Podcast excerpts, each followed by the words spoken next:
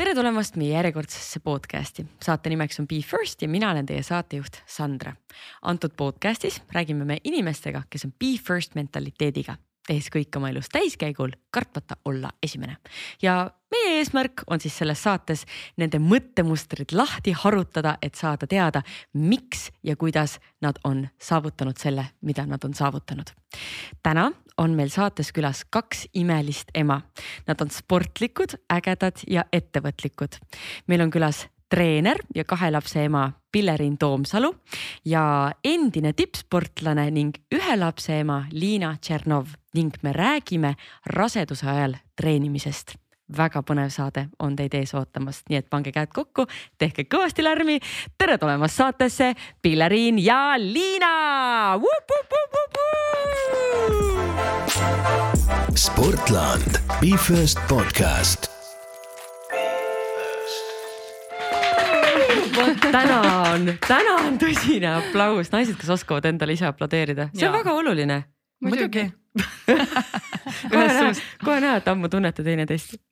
kuule, üliäge, et te külla tulite, aitäh, sest et me hakkame täna rääkima ühel väga olulisel teemal, millest me noh, just siis, kui kaamerad olid veel kinni ja mikrofonid ei töötanud, et ütlesin, et mina pole isiklikult sellega kokku puutunud, nii et, et kui kui, kui ma jätan midagi küsimata, siis ma tean, et te toote selle kindlasti need asjad välja ja ka fänniküsimusi tuli tegelikult äh, päris palju, nii et, et inimeste jaoks on see huvitav teema väga põnev. aga enne kui me hakkame rääkima äh, raseduse ajal treenimisest ja tegelikult ka natuke enne rasedust ja pärast äh, rasedust treenimisest, siis ma tahaks ikkagi veits teie kohta teada. no Pilleriin on meil siin äh, vana kala juba kolmandat korda meil saates ja Liina, kas sa oled, oled sa käinud, ai, sa oled ju käinud sa staadioni juttudes, ja olen jah, eks ole, podcast'is olen küll ja Mhm. käinud. nii et mikrofon pole, no sulle polegi see võõras, et sportlaskarjääri ajal kogu aeg oli no jah, tule, tule, oli selliseid hetki küll jah, kus pandi mikrofon ette pärast sooritust. aga me alustame esimeste mänguga ehk siis äh, mina alustan lauset, teie lõpetate selle ja räägime teie esimestest. kes, ma ei tea, kes tahab esimesena vastata. Mis oli esimene treening pärast kahte triipu, kas te mäletate? mis või äh, millal? no näiteks, vahet ei ole siin on küll, ütlen esimene treening pärast kahte triipu, nii et sa võid ise tõlgendada. ma arvan, mul oli suht järgmine päev. ma arvan, et ei pikka pausi küll ei olnud, et seal tuli küll tegelikult selles mõttes paus, et, et mingisugune selline teadmatus äh, hakkas minu sees äh,, mingi uudishimu, teadmatus, kõik selline koos, aga ma ikkagi tegin trenni ja, ja, ja minu selline uudishimu hakkas ka kohe uurimistööd tegema, et paralleelselt ja, ja kuidagi ma usaldasin oma keha ja ilmselt, kui sa oled varem trenni teinud, siis sul selline kehatunnetus on ka see, et aga miks ma seda ei või teha, eks ole, ja siis ka ja, ja huvitav on see, et ma tegelikult vaatasin ka oma kui ma juba teadsin, et ma tulen siia rasedusaegsest treeningust äh, rääkima, siis ma vaatasin oma äh, esimese lapse Logani ootusaja pilte ja videoid ja, ja, ja siis äh, noh, olin väga-väga posi- positiivselt üllatunud ja, ja meeldivalt, meeldiv oli lugeda ka neid postitusi, mis ma tollel ajal tegin, et väga-väga äge. ja siis äh, avast-, vaatasin ka, et seitseteist nädalat äh, lapseootel, mul polnud veel nähagi kõhtu ja siis ma ja ma nii hästi mäletan, et ise olles selles hetkes mul on oh,, mul on juba nii suur kõht, kõik näevad, kõik näevad. kuigi ma ei olnud veel nagu nii-öelda seda valju häälega välja öelnud äh, kõikidele teistele ja, ja siis ähm,, aga ja tegin väga tublisti trenni ja ma nägin, et kuna siis hakkas minu selline süvitsi minema, süvitsi fokusseerimine rasedusaegsesse treenimisse, siis ma nägin, et ma olin kohe väga-väga uudishimulik ja, ja selline eh, hakkasin research'i tegema ja, ja e-, ennekõike iseenda treenimiseks ja, ja nüüd täna neli aastat hiljem ma hea meelega treenin ka kõiki teisi rasedaid, et. aga ja, et treeningpausi väga pikka ei tulnud, et eh, noh, kuna mul oli väga palju tööd sellel ajal, ma mäletan esimesed neli kuud ja, aga siis ma võtsin niimoodi väga-väga palju koormust alla ja ja hakkasin endale keskenduma. Ja, ja siis tuligi see esimene taipamine tegelikult, kui ma esimest korda elus mõtlesin endale ja julgesin öelda äh, ei kõikidele pakkumistele ja nii edasi ja, ja ütlesin tööl valju häälega välja, et mina, ma pean ennast hoidma ja, ja noh, ühesõnaga selline tõeline äh, iseenda austus hakkas siis vaikselt tekkima, et kui enne seda oli nagu, et kõik teised sinu ümber, siis hakkas järsku tekkima, et aga mina ja minu beebi, kes minu sees on ju, hakkab nüüd vuhinaga kasvama mm, -hmm. et pean hoidma iseennast ja, ja oma last, et, et selline tärkamine, tõeline tärkamine tekkis ikkagi lapseootuse ajal. sa ütlesid, et äh, sa jätkasid äh, samamoodi trenni tegemist, et mis, mis see oli siis, mis trenni sa tegid? Äh, ma olin enamasti ikkagi jõusaalis, kuna ma siis tegin päris palju äh, aktiivselt äh,, palju on suhteline, aga personaaltreeninguid ja olin ka koolis õpetaja, andsin laste ujumistrenne, olin Teras Beach'is selle käivitamise juures, et mul oligi nagu selles mõttes sihukest pendeldamist hästi palju, aga sihuke mõnus lihastreening äh,, sealhulgas ka tugevam jõutreening, kangitreening, et kõik sellised äh, mm, mitte kõhu peal olevad harjutused jäid sisse ja, ja lihtsalt siis ma hakkasingi selle pingutuse peale mõtlema, hakkasin mõtlema, mis raskuste peale, et kui palju ma neid võiks alandada ja noh, selline küsimused mu peas hakkasid äh, tekkima. ja, ja ma muidugi ei jäänud seisma, vaid otsisin vastuseid ja, ja niimoodi mu selline enesetundlik ja, ja teadlik treenimine siis äh, rasedusaegne teadlik treenimine äh, hakkas veerema. no jumal tänatud sellepärast et äh, sa oled ikka väga kaugele jõudnud oma, oma, oma treeneri ametiga praegu ja varsti tulevad ka põnevad uudised, millest me varsti räägime, ma ikka teen seda äh,, keerin pinget, et ei räägi kohe esimeses, esimeses osas ära, täpselt nii.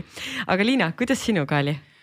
minuga oli nii, et äh, ma, kui ma enne esimesed kahte triipu nägin, siis äh, mul on hästi meeles, et äh, enne kui ma testi tegin, siis ma tegin oma mega elutrenni nagu. et äh, ma arvan, et mu keha ja üldse mu selline vaimne olek, kuigi ma ei teadnud, et ma rase olen, oli nagu super high level'il ja ja ma tõesti mäletan, et vau, et ma olen nagu megavormis, et siit, siit võib ikka nagu üli, ülihäid tulemusi veel tulla. ja tuligi. mis ma nagu mõtlen, onju. ja noh, põhimõtteliselt nagu tuligi, onju. ja, ja siis ma sain need triibud teada ja no ikka tegin äh, trenni edasi, ma jooksin muidugi kuni ainult viienda kuuni, siis mulle tundus, et äh, on ebamugav. aga siis mul oli korraks see, et mis mõttes ma ei saa joosta, et mis ma nüüd teen, et äh, ma, ma ei saagi nagu trenni teha, on ju, et korra nagu mõtlesin, aga kus, kus sa oled harjunud kogu aeg trenni tegema, siis su, su keha vajab seda, su vaim vajab seda. ja tegelikult siis äh, jooksu asemel ma hakkasin hästi palju jalutama rasedana ja jalutasin ka elukaaslasega koos, et kui varem oli see, et mina jooksin kiiresti ja tema jooksis minust palju aeglasemalt, me ei saanudki nagu koos sellist liikumist teha võib-olla.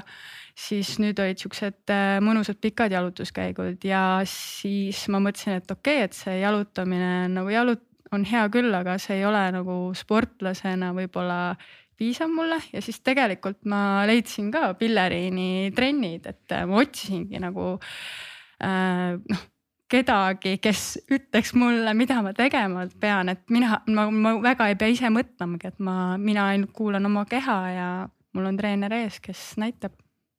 mis olid äh, need asjad või esimesed asjad, mida sa õppisid Pilleriini, Pilleriini käest?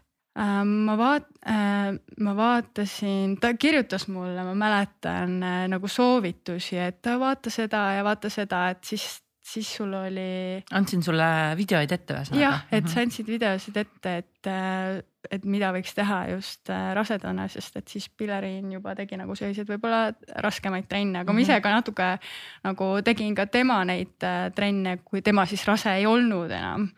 et äh, aga natukene kombineerisin endale lihtsamaks see ongi noh, väga õige, et kui sa ise tunned oma keha, tead oma võimekust, et kui meil siuksed, no kindlasti vaatasid ka kehatüve teemasid on ju üle, et just. siis, et kui nendega oled juba ka tuttav, siis ka tekib selline julgus ja tegelikult see julgus ongi hästi oluline tekkima, et. oota, siin oli mingi huvitav sünergia praegu Ke. kehatüve teemasid just, just, mis, mis see tähendab, mis? no mis mul, mul on lihtsalt nagu selline äh, läbiv teema on äh, kehatüvi ähm, ja miks ma ja see, see hõlmab endas siis äh, hingamist, äh, äh, kõhu süvalihaseid, vaagnapõhja, et nad on kõik omavahel seotud. et kui me näiteks pingutame, aga ilma ekstra vaagnapõhjale mõtlemata äh, siis me võime avaldada vaagna põhjale hästi suurt survet ja siis ta aja jooksul pluss ju beebi ka kasvab, kõhu ümbermõõt kasvab, kogu see kõhu sisesurve allapoole meie vaagna põhjale see vajub, vajub, on ju, võib-olla hüppame veel ja siis võib-olla tõstame raskuseid, et me peame oskama ka seda vaagna põhja siis äh, õigel ajal pingutada ja muidugi alati pakkuda ka samaväärset lõdvestust, et. Äh, ja muidugi on hästi palju erinevaid äh, olukordi, kui naistel ongi vaagnapõhi ületoonuses näiteks ja et siis, siis nemad jälle sellele nii palju ekstra rõhku ei pea pöörama, aga aga kindlasti äh, soovitan siis äh, sellistel eri, eripuhkudel jällegi füsioterapeudiga, kes on äh, sellel alal pädev. füsioterapeudiga konsulteerida ja saada näpunäiteid ja siis juba jälle treeneriga edasi koostööd teha mm. -hmm. no väga hea, me räägime sellest kindlasti pärastpoole ka. aga kaks küsimust on veel esimeste mängu. mis oli esimene suur hirm emana, Pillerin? Ma tead, ma olen vist sellele küsimusele enne ka vastanud ja ma olen ikka veel nagu selles mõttes pean ütlema, et mul ei olnud hirmu mul oli, mul ei olnud emana ilmselt ühtegi hirmu, mul oli äh,, aga kui seostada ikkagi selle uudisega rasedus, et kuidas elukorraldus hakkab olema, see oli küll minu jaoks äh, natuke hirmus ja see natuke halvas mind terve neli kuud, sellepärast mu mees oli neli kuud mu esimesest rasedusest äh, ära, ta läks Austraaliasse ja ma muidugi toreda hea naisena, et ja, ja mine muidugi, ma saan hakkama, aga siis hakkas ikkagi sihuke nagu ilmselt nagu esiteks hormonaalne möll.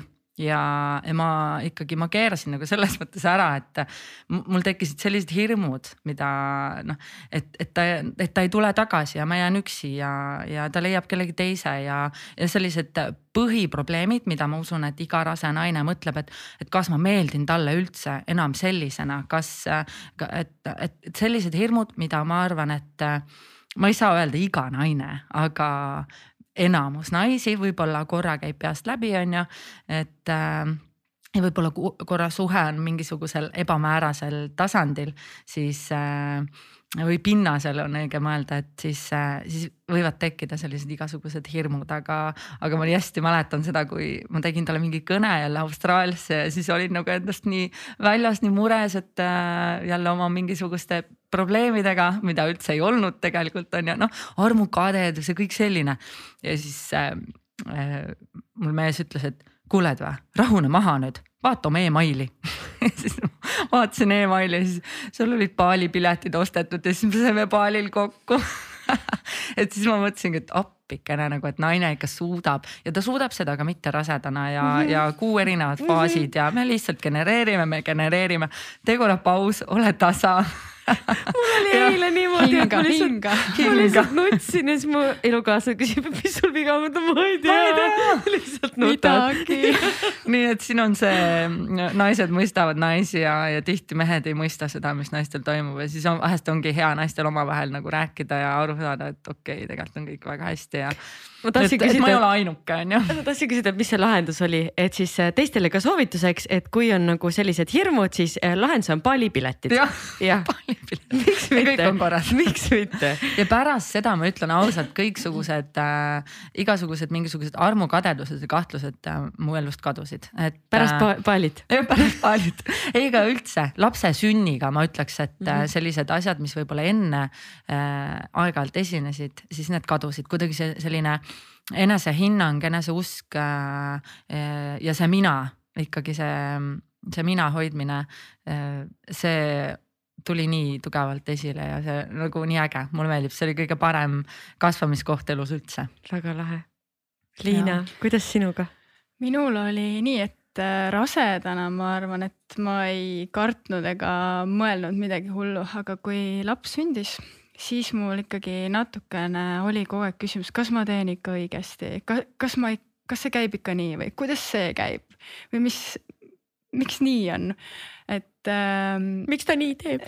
miks, miks ta veel, miks ta veel nii ei tee, miks ta veel ei keera või nii, et mul ikkagi oli see alguses päris tugevalt, aga praeguseks ma olen nagu sellest väga lahti lasknud ja kõige parem ema ongi sellele lapsele, selle lapse ema, et ei ei tohi seda unustada ja, ja sa teed täpselt õigesti, täpselt nii, nagu sa teed. et seal ei ole nii, et oh, miks nemad nii teevad, miks mina ei tee aga kui sa praegu tagasi vaatad nendele hirmudele, siis äh, ma ei tea, on sul, on sul sõbrannasid, kes on, on samas olukorras olnud, et, et mida sa neile võiksid soovitada, et noh, see, see, see, see viimane asi, mis sa ütlesid, et parim ema, kuidas sa ütlesid seda? igal lapsele on parim ema tema ema. et äh, nüüd, kui sõbrannad vahepeal küsivad äh, mingisugust nõu või et kuidas äh,, kuidas sinul oli lapsega sellises olukorras, et siis ma, siis ma ei hakka kunagi mingeid enda asju, ma võin talle rääkida, aga oma asju peale suruma või et, või et ütlema, et miks sa nii või naa ei tee, vaid ma ütlen, et vaata, vaata last ja tunneta ja sa saad need vastused teada, et äh, muidugi ma jagan enda kogemusi, aga aga peab ise vaatama oma tunde järgi ja iga, igalühel on erinev see lugu ka, et ja need olukorrad. täpselt nii. ja meil on viimane küsimus. mis oli esimene mõte täna hommikul, liigume lihtsalt sellest nagu noh, raseduse teemadest kohe, kohe eemale, aga ma ei tea, võib-olla te mõtlesite sellele teemale ka täna hommikul. no mina ärkasin üles ja vaatasin. Levin, Logan, nad on jälle mu kaisus et nagu ma olen tegelikult juba tükk aega mõelnud, et, äh, et võtan nagu ennast kokku ja harjutan ikka, ikkagi üle öö, noh terve öö siis oma voodis magama, neil on mõlemal oma tuba, oma voodi. ja on siin olnud vahepeal mõned tagasilöögid mis sa sellega mõtled? Äh, Levin äh, oli mul muidu selline pojake, et ta sai just kaheaastaseks. ütleme nii, et täpselt päev enne, kui ta sai kaks, oli ta veel väga nunnu beebi ja, ja nüüd on ta selline röövel, et uskumatu, ma ei näinud, ma ei oleks kunagi arvanud, et selles vaikses rahulikus mm, lapses võib tulla ka selline pool välja, aga, aga äh, elagu kaheaastased. Ja, ja siis ähm, äh, ühesõnaga ta ei jää enam, muidu oli niimoodi, et ma viisin ta voodisse pai ja musikalli ja, ja läksin toast ära ja jäi magama väga ilusti ja, ja mul Loganiga äh, läks ikka päris kaua aega, enne kui ma selle saavutasin, aga, aga mul oli vahepeal siin väikene reis, ma käisin ära ja, ja sealt tagasi tulles ma ei tea, ma ei usu tegelikult, et see on ainult äh, või noh, ma arvan, et see on ikkagi mitme asja äh, kombinatsioon, et nad olid nädal aega mu emaga ja siis võib-olla natuke mingisugused teised reeglid on ju, et natuke läks nihkesse ja siiamaani väga raske nagu taastada oma head rütmi, et muidu oli see, et äh, Logan on mul täna neljane ja ja ma olen põhimõtteliselt kuni tänaseni teda igal õhtul silitanud, nunnutanud ja temaga kaisus olnud ja siis ja viimasel ajal ma märkasingi, et ma ütlesin Loganile ka, et Logan, et noh, et sa oled juba nelja aastane, mõtle. Levin juba magab, üksi jäi magama oma toas on ju ja siis nüüd ma sain selle, mis ma nagu mõtlesin selle teksti all või noh, seda öeldes, et, et äh, võib-olla Levin tahaks ka nüüd, et ma teda igal õhtul magama paneks, et nüüd on väike switch, ma arvan. ja, ja noh, näiteks eile õhtul oligi, et ma ütlesin Loganile, et sa lähed nüüd ise oma voodisse tudule ja emme tuleb su juurde, kui Levin on magama jäänud. aga, aga Levin ei jäänud magama ja ma jõudsin Logani juurde ja ta oli ise magama jäänud, et nihuke. no ühesõnaga, et mul on peas keerlenud selline mõte, et, et Levin on äh, justkui vaata esimese varjus kasvanud ja ta ei ole saanud võib-olla sellist ähm, noh, ongi, et ta on pidanud palju asju üksi, üksi tegema, sealhulgas see magama jäämine ja see on meil väga ilusti läinud ja kõik ja nüüd järsku. ma natukene saatsin mingi signaali universumile, nüüd, nüüd, nüüd tema saab igal õhtul minu täis tähelepanu ja. aga, aga ja, et noh, hommikul ma ärkasin, vaatasin, noh jälle nad on mu voodis. Pavel on voodist läinud, lapsed on voodisse tulnud see on, äh, Liisu Miller rääkis selles oma podcast'is, et see on see öine rahvaste ränne. ja täpselt, täpselt. ja ma arvan, et iga ema siin kohe suhestub ja muigab omaette, et noh, nii ja siis mõtleb, et oh, peaks seda oma mehele ka kuulata andma, et näed, et teistel on ka nii, et, et muidu ikka mehed krimpsutavad nina ja et oh, kaua see kestab ja kaua võib ja, ja et aga siis äh, üks päev ma jälle avastasin või noh, mitte ei avastanud, vaid see on kogu aeg nagu selline kuklas, et et, äh, et Logan on nelja-aastane, ta on nagu nii nunnu, ta on nagu no ta muidugi ka röövel, aga enamasti ikkagi nunnu ja ta vajab nii palju mind ja ta tahab kallistada, tahab muusisid, tahab silitamist. veel paar aastat ja see on kõik nagu kõik ja siis ma ütlesin ka Pavlile, et vaata, et ma pean nii kaua neid nunnutama ja musutama, kuni ma saan, sest varsti nad ei vaja seda ja seda ei toimu enam, et äh, ja siis ta oli, mm. -hmm. on nii küll jah nii head mõtted. ja, aga tõesti. mul on tunne, et poisid vist tahavad veel rohkem On seda nunnutamist, musutamist. seda on ikka nagu kuidagi kuulda, on ju, et, et ja poisid on rohkem emmekad. aga, aga kui mõelda nagu seda mm, üks tark raamat on ka öelnud seda, et, et poisid vajavad alguses rohkem ja tüdrukud vajavad hiljem rohkem, et näiteks poisid äh,. ma võin aastaga noh, ühes raamatus võib-olla on kolmene, teises neljane, igatahes kolmeaastaselt äh, poiss, poisslapsed lähevad siis äh, isa energiasse ja nad jäävad sinna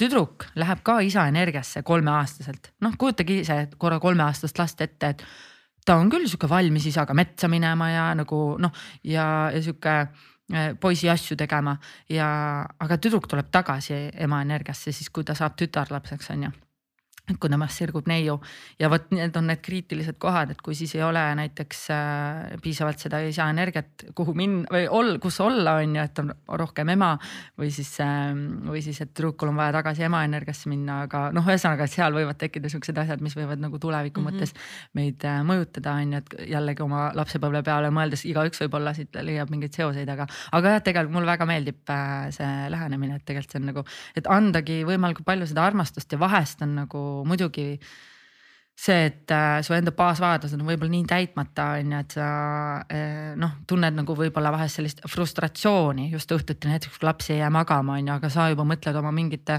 asjade peale, et tahaks, ma ei tea, kortsuplaasteri juba otsa ette panna mm -hmm. või noh, mis iganes on ju, et, et, et siis ongi see, see töötlemine, kuidas seal ennast maha rahustada, et et. ei ole selles hetkes, et praegu ongi see jaa. lapse magama panemine, mitte, mitte muude asjade Ja tegemine. et aga lihtsalt ongi, et kui sa oled ennast nagu nii pikalt nagu alla pidanud suruma ja oma asju mitte tehtud saama.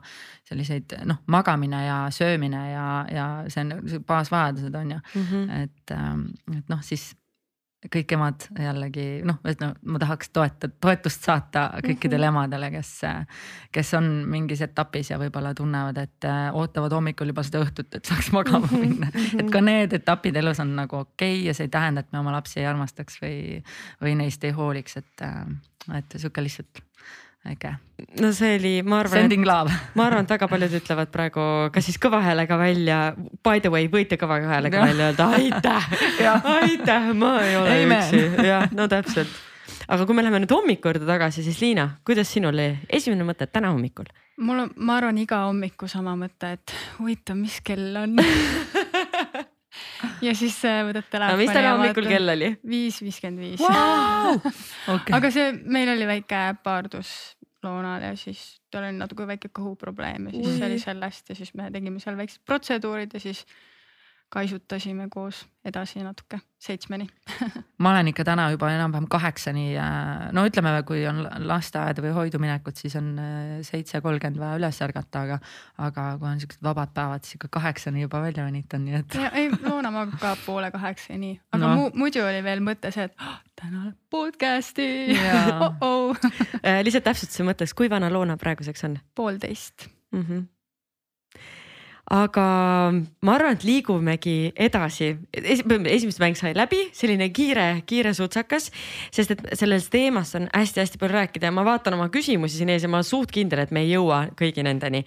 lihtsalt enne seda, kui me läheme edasi, ma tahaks teha ühe disclaimer'i, et äh, need teemad, millest me täna räägime, võib-olla mingid nipid või õpetused see on võib-olla just suunatud äh, kuulajatele.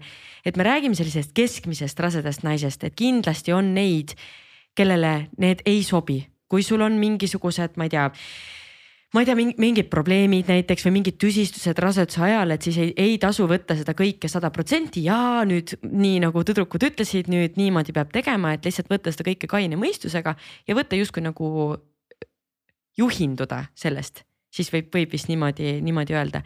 et äh, ma just mõtlen, et, et räägiks ajast enne rasedust, et miks, miks on üldse oluline et naised ennast treeniksid, mehed ka, aga just naised.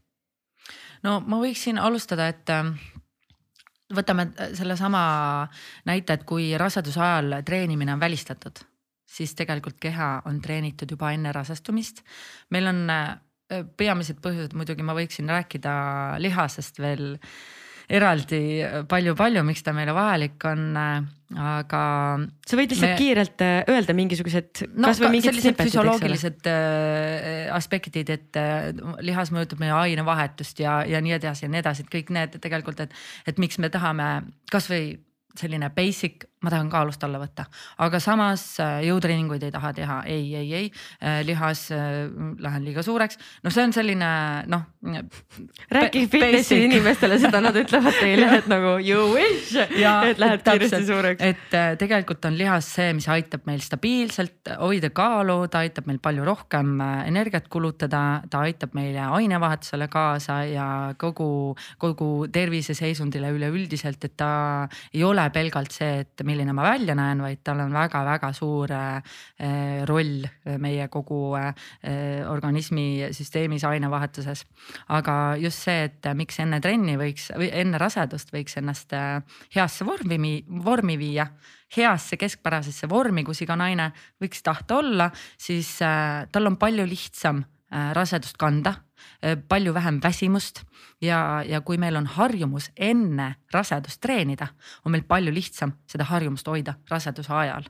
et aga näiteks kui ei tohi raseduse ajal treenida, siis ma olengi enne juba tugevam, ma saan mingil määral ikkagi hoida seda toonust, mis mul on ja, ja, ja põhiline ongi see, et, et laps saaks äh, ema üsas, ema sellises aktiivses ema üsas areneda ja, ja saada ka tugevamaks juba selle, selle, selle pealt, eks mm -hmm. ole. Et see ema treenimine tegelikult otseselt mõjutab ka beebit ja, ja jällegi tugev lihaskond aitab meid sünnitusel, sinna juurde veel selline hea teadlik hingamine, kuidas, millal, mis hetkel õigesti lõdvestuda ja äh, aitabki tõesti, ta teeb ikkagi, aitab sünnitusel meil kaasa, sest sünnitus võib teinekord olla päris pikk maraton ja kui meil lihasjõudu ei ole, me võime palju-palju-palju äh, varem siis äh, nii-öelda alla anda ja vajada muud meditsiinilist sekkumist mm. -hmm. aga kui me oleme tugevad, meil on jõudu ja energiat ja, ja samas treenimine kasvatab tahtejõudu, nii et äh, ka seda on vaja, eks ole, et seal on nagu nii, nii, nii palju selliseid äh, aspekte, et ma arvan, et igaüks leiaks sealt oma,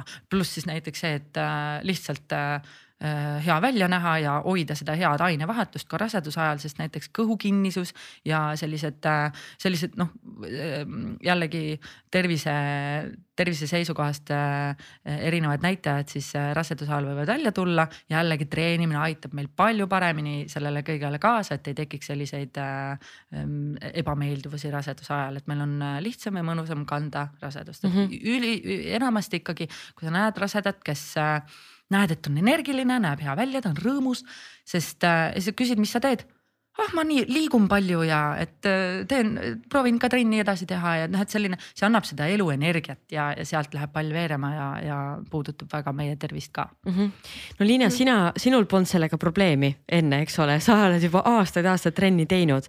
kas oli midagi, mida sa pidid muutma? No ma arvan, mina tegin nagu vähem trenni rasedana, aga noh, see, see ongi tegelikult äh, normaalne. aga rasedana nagu Pilleriinu juttu jätkas, jät-, jätkamiseks siis äh, ongi, et äh, kui ema treenib äh,, liigub äh,, siis tekivad ju õnnehormoonid ja need samamoodi mõjutavad ka beebit.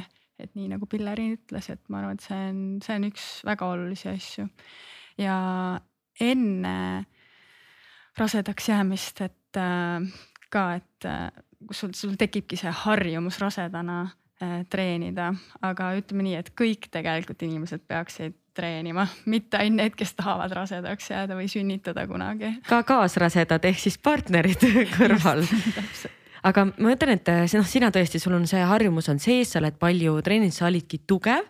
kas oli midagi, mida sa nagu tippsportlasena pidid juurde õppima või siis nagu maha õppima, üks asi on see, et lihtsalt treeningkoormust vähendada, aga noh, mis ma usun, et meid võib-olla kuulab ka, ka, ka tippsportlasi, sest et see on. mul oli võib-olla see, et äh, võib-olla vahepeal oli see error tuli, et äh, oota, mis mõttes ma ei nagu ei saagi nüüd äh, nagu täiega pingutada ja täiega teha või et äh, ma olen harjunud ikkagi kogu aeg nagu enda maksimumi andma. ja võib-olla see lõdvestam-, lõdvestamine ja sihukene niimoodi kergelt võib-olla vabaks laskmine, võib-olla see äh, oli kõige raskem. Et ma nagu... olen harjunud nagu pingutama, aga tegelikult ega see, see nagu, kui see sünnitama läheb, siis see õudselt pinges hoidmine, see ütleme nii, et see ei toimi. see kaasa ei aita. just see teeb natuke raskemaks. aga, aga on sul mingisugused nipid, mida sa näiteks sina tegid ja ma tahan kohe tulla ka selle juurde, mis väga hea asi, mis sa välja tõid, on üks asi on, sa pead füüsiliselt midagi muutma, aga sa pead ka tegelikult vaimselt muutma, ennast kuidagi ümber treenima, et sa ei saa pingutada no olid need äh, hingamisharjutused, et need äh, andsid nagu veits relax'i juurde ja õp õppisid nagu oma keha rohkem nagu tunnetama rohkem kas sa, kas, kas sa õppisid pilleriinu pealt neid või? äh,. jah, Pilleriinu need harjutused olid väga head aga kas te tahaksite natuke rääkida või õpetada praegu? et mis need, millised need hingamisharjutused on, ma arvan, et need sobivad kõigile inimestele. et ma ütleks, et ähm, see on jällegi nagu selline äh, laiahaardeline kõik on ju, aga ma ütleks, et on äh, trennipingutuse hingamine ja on siis see lõdvestus hingamine. et kui me äh, oleme sünnitamas, siis äh, välja hingates me proovime oma selle äh, täiesti vaba äh, alalõuaga vabastada ka täielikult vaagnapõhja et kui me nüüd nagu hoiame hambad ristis ja nagu niimoodi kardan valu ja niimoodi, siis mitte avanemist ka ei toimu, et, et põhiprobleem tegelikult sünnitusel ongi, et mina ei ole emma-emandaks, et ma räägin nagu selliseid äh, tavapäraseid või noh, selliseid seoseid, mida keha loob. et, et avanemist ei toimu, eks ole, aga tegelikult naine saab hästi palju kaasa aidata selle avanemise sujumisele. ja, ja näiteks äh, sünnitusel on väga palju trigger'eid, mis võib olla näiteks, et astub veel tundmatu arst äh, sünnitustuppa sisse ja põmm, naine tõmbab nii kinni ja sünnitegevus põhimõtteliselt peatub ei, ei lähe edasi, sest naisel on ebamugav. miks ka räägitakse, et oh, loome mõnusa keskkonna, võib-olla Mhm. muusika äh,. inimesed tänapäeval on need sünnitoetajad äh,, toolad väga-väga abiks äh,. Äh, eraämmaemandad, et kõik, mis soosiks sellist äh, julgust naisel olla vaba ja seepärast on näiteks ka igasugused koolitused enne sünnitust äh,. näiteks hüpnosünnitus, millest ma ise isiklikult ei ole, aga ma olen nagu sellest mul on ülevaade, ma ei ole ise osalenud, ma kunagi, ma arvan, lähen, kui ole, on põhjust.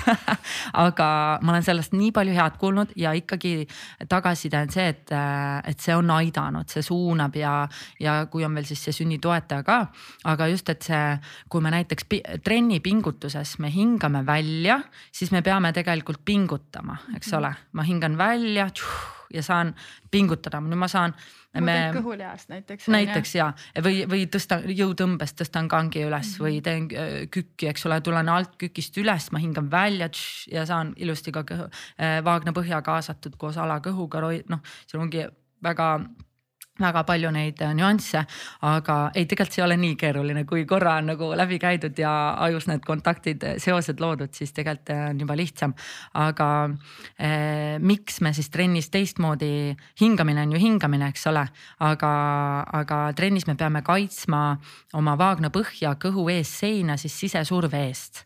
et näiteks lihtne näide, me aevastame noh, kujuta ette, et sul on põis täis ja sa aevastad Ei taha. ei taha, eks, nii, aga nüüd raseduse ajal niigi surve on põiele ja nüüd aevasta, tahad või ei taha, on ju ja nüüd sünnitusjärgselt vaagna põhi on täiesti nagu äh, ära koormatud, ta ei ole veel saavutanud tagasi oma normaalse toonuses oleku. Ja, ja kui me tihti teinekord ei aita, siis ei taastugi täitsa on ju, et seepärast me peame natuke aitama. ja, ja kui me võime küll aega anda, aga siis ühel hetkel ikkagi võib ka tulla kümme, kakskümmend aastat hiljem selguda, et noh, näed, et natuke vaagna põhja, põhi on äh, nõrk ja sealt tulenevad ka erinevad tüsistused Äh, siis, siis hakkame siis taastuma, et noh, parem hilja kui mitte kunagi, ma ütleks, aga mulle meeldib see, et, et praegu on ikkagi päris palju sellist teadlikku tööd, aina rohkem tekib treenereid, kes äh, teadlikult sellest äh, huvitu-, huvituvad sellest ähm, äh, vaagnapõhja ja kehatüve teemadest üldiselt just naiste võtmes, kuigi ka meestel on vaagnapõhi, vaagnapõhjalihased ja seal tekib ka näiteks äh, põhilised vigastused, mis ma võin siin välja tuua, on ka song, diastaas äh,. ka meestel, eks ole, sa räägid meestest praegu mm. -hmm. nii meestel kui naistel mm -hmm. ongi, et song, diastaas hemoroidid ja, ja kõigiga nendega võib, ei pruugi, aga võib kokku puutuda, kokku puutuda ka rase naine ka sünnitusjärgselt näiteks meil on väga ilus rasedus olnud, me ei ole kõhueesseina kuidagi vigastanud Vaagna põhi on ka noh, selline olnud hea kaitse all nii-öelda ja, ja sünnitusjärgselt, aga näiteks nüüd me naaseme põmm kohe hästi intensiivsete treeningute juurde. ise ämmaemand on andnud rohelise tule ja sul on väga ilus, kõik võid treenida ja nüüd äh, nüüd ma hakkan tegema samaväärseid treeninguid, mis ma tegin enne rasedust, aga ma võin siis veel tagantjärgi tekitada endale selle tüsistuse, mul võib tekkida ka hiljem diastaas, song.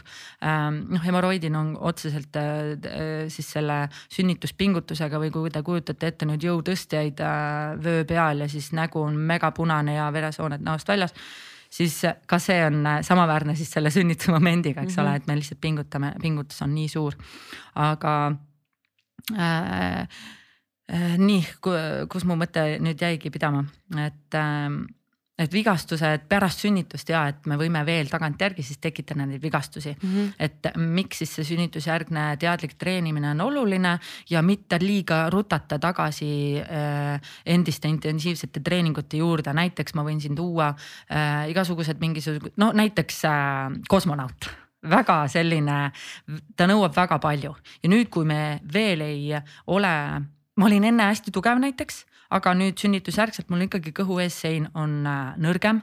Äh, kõhu-sirglihaste vaheline siis see valge joon, ta on veninud, on ju, sest kõhu, kui kõht meil kasvab, siis äh, sirglihaste lahknemine ja kui see lahknemine on liiga suur, siis see ongi diastaas.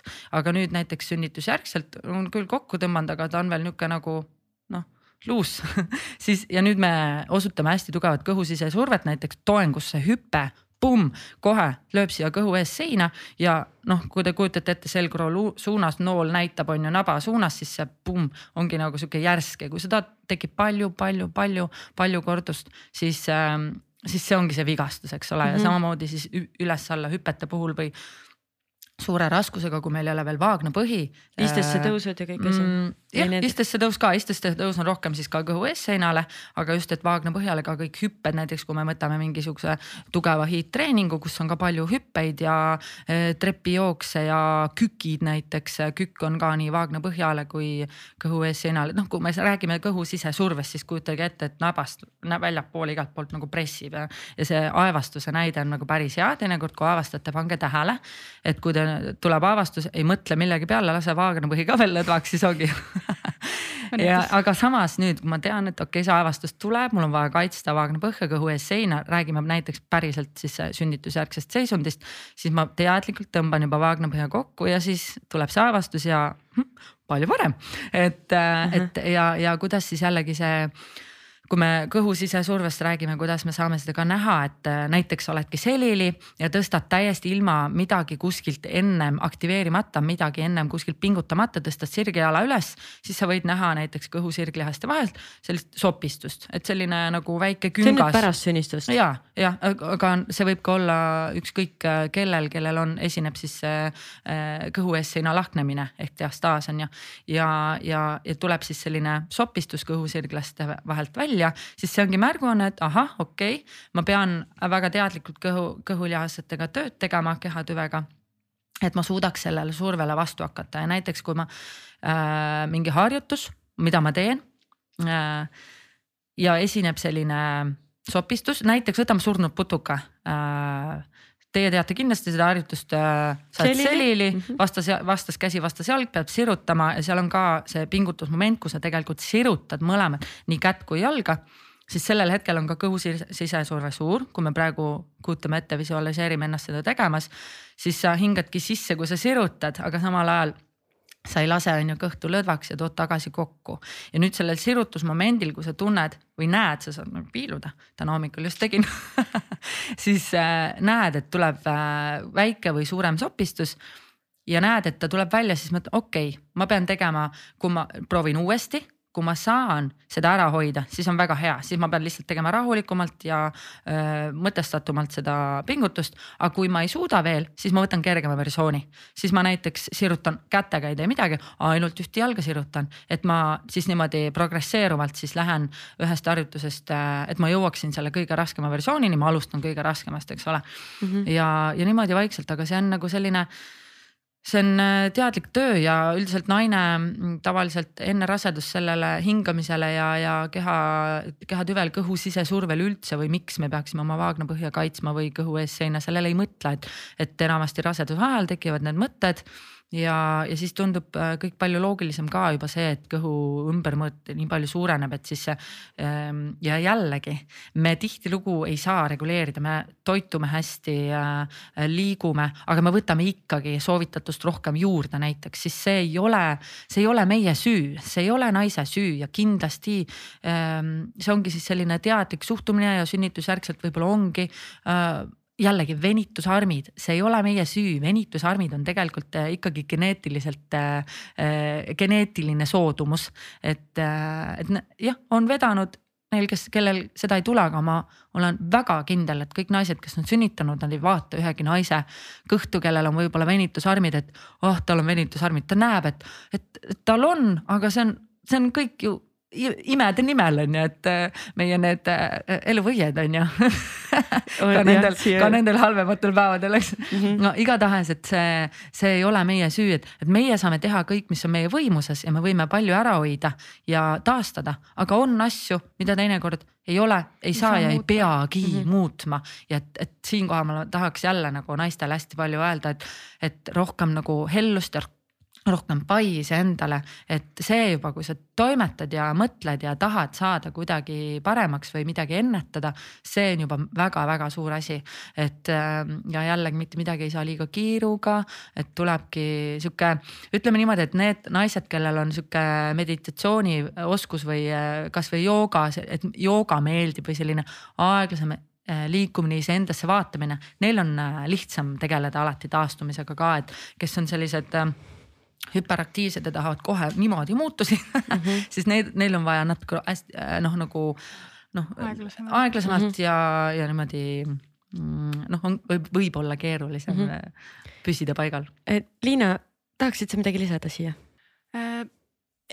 ei, ma arvan, et Pille, Pilleri rääkis ära kõik. aga räägi natuke endast ja enda kogemusest, et äh, kas, kas sa hakkasid kas sa hakkasid te tegema mingisuguste lihasgruppide näiteks rohkem trenne, kui sa teadsid, et ahhaa, okei okay,, nüüd ma ootan beebit, äh, et, et kuidas sa ennast veel rohkem hakkasid ette, ette valmistama selleks.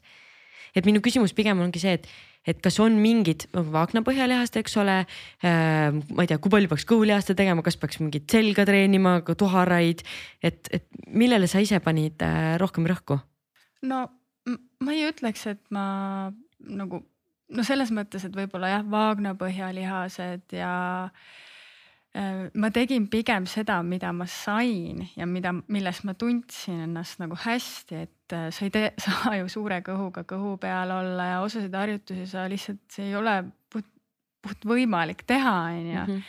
kõhulihaseid mingist hetkest ei ole enam soovitav teha, on ju et ma tegin kõike, mis ma sain ja mis mulle endale sobis ja meeldis, et äh, ja siin võib-olla ongi ka see, et, et ei pea tegema seda, mida kõik teised teevad, et leidke endale see sobiv, mis teile meeldib, et jah, ma tean naisi, sportlasi, kes jooksevad nii kaua, kuni nad saavad ja see on väga tore ja see on väga super aga see ei tähenda, et kui sina naine, kes sa ootad last ja sa ei saa joosta mingist hetkest või sulle ei meeldigi joosta, siis sa ei pea jooksma ja see ei ole kuidagi selles mõttes äh, kehvem.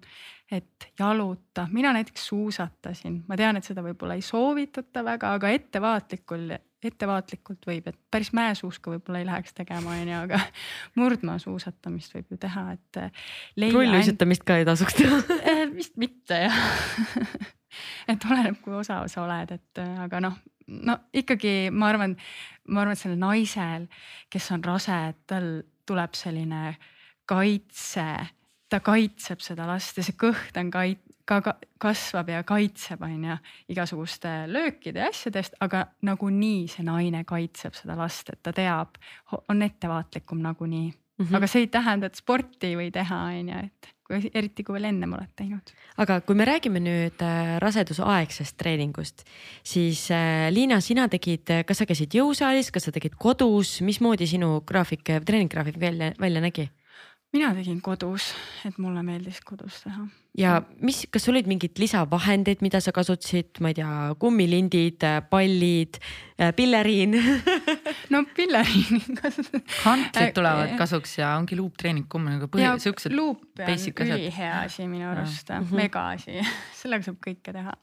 Aga võib-olla räägimegi siis, äh, kui me oleme siia jõudnud, räägime harjutustest. Et... tahtsin veel, äh, sorry, selle mm, suusatamine kõik, et, et see ongi täpselt, et kui Liina tunneb ennast mugavalt suusatades ta teadis, et äh, siin ta on osav ja ta ei, ei kuku, ei, ei teki selliseid ja ta mägesid ei võta, on ju, ei kuku selliseid, tähendab, ei juhtu selliseid äh, suuri kukkumisi, siis ongi kõik, kui naine tunneb ennast ise enesekindlalt. paljud naised ratsutavad ka päris kaua, sest nad on eluaeg ratsutanud, nad tunnevad ennast seal kindlalt. muidugi asju võib juhtuda alati, on ju, mhm. aga, aga ja tihti küsitakse, et kas raseduse ajal rattaga tohib sõita. ma mõtlesin, ma vastan selle nüüd ära, et oleks öeldud, et rattaga sõitmise puhul ongi see, mida ma ka spetsiaalselt uurisin, lihtsalt rattaga sõidu ajal on vaagnapõhjalihased kogu aeg pinges. ja see võib tekitada selle vaagnapõhjalihaste ülepinge, kui me nüüd kogu aeg palju rattaga sõidame. ja ma ei räägi sellest poodi sõitmisest, vaid ikkagi nagu sportlikust rattaga sõitmisest. Äh, siis äh, peab alati pakkuma ka sellist lõdvestust, see on jällegi see, et äh, vältida siis neid sünnitusega kaasnevaid vigastusi et kui naine on siis nii-öelda ületreenitud ja pinges üle keha, et siis tal on raskem ennast lõdvaks lasta, on ju. aga, aga jah, et äh, spordialade puhul ongi, et kõik sellised ekstreemspordialad on nagu mitte soovitatavad, aga tegelikult kõike muud on ju, tohid teha. oota, aga ma, tuleme nüüd selle lõdvestuse juurde, mul tuli meelde, et me enne tahtsime sellest rääkida, siis me läksime kuhugi. kuidas see lõdvestamine käib, kuidas peaks ennast lõdvestama? no selles mõttes, et kui me nüüd läbi hingamise on ju, nii nagu ma ütlesin et äh, välja hingates sa äh, äh, ka kõik need ähm, noh, kes selle hingamisega tegelevad nagu just sünnituse hingamisega, siis ongi põhiline, mis läbi käib, on lõua vabaks laskmine sealt tulevad igasugused häälikud, eks ole. et, et tuleks selline ürgne heli nii-öelda saaks välja tulla, et oo ja uutamine vist öeldi selle kohta. ja, ja, ja et, et oleks äh, alalõug lõdva, sest alalõug on otseselt seoses nagu vaagna põhjaga. et äh, me ei pruugi seda niimoodi mõista, aga teinekord, kui äh, oled ise seal punktis, kus sa, kas sa uurid seda või tegeled sellega, siis sa saad aru, et oh, tõesti ongi. et kui me ütleme nagu kasvõi pikalt mingi või mingi. no aga et... ootame, ootame, kuidas see käib, õpetage mulle ka, võib-olla kunagi läheb vaja, nii ütle näiteks pikalt nagu, ütle U Patrik, pane see kindlalt sinna recap'i. kas sa tunned sellel hetkel, sa oled alt, oled jube pinges? ei ole, ei ole, eks. aga ma tunnen, et nagu kõhulihas võtab töö üle, kas on nii, kas see? nii ja siis me jõuamegi selleni, et äh, tihti on äh, naistel, mitte naistel, vaid üleüldiselt tihti on äh, stressi hingamine nii-öelda, mulle meeldib seda nimetada stressi hingamiseks, aga see on hingamine rindkeresse, et sisse hingates on kõht sees ja siis hingangi siia rindkeresse, õlad ka kerkivad ja ongi sihuke keskkoht peab hästi uh, -huh. mul on ka täna sihuke kõrge pihaga teksad, ma pean kogu aeg niimoodi olema.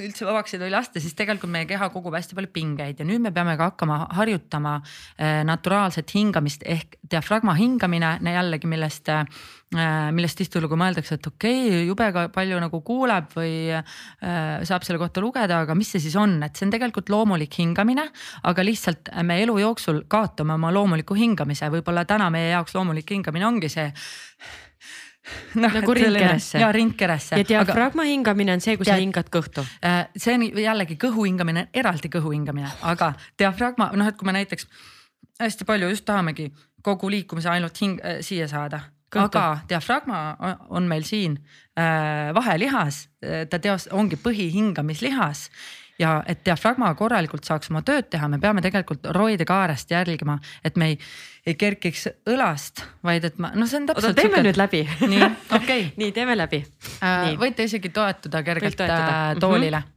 nii, Patrik, kas sa, teed ka? sa võid lihtsalt äh, jälgida oma roidekaart ja oma õlgu ja Ahah. hinga lihtsalt. Võid suu kaudu välja hingata.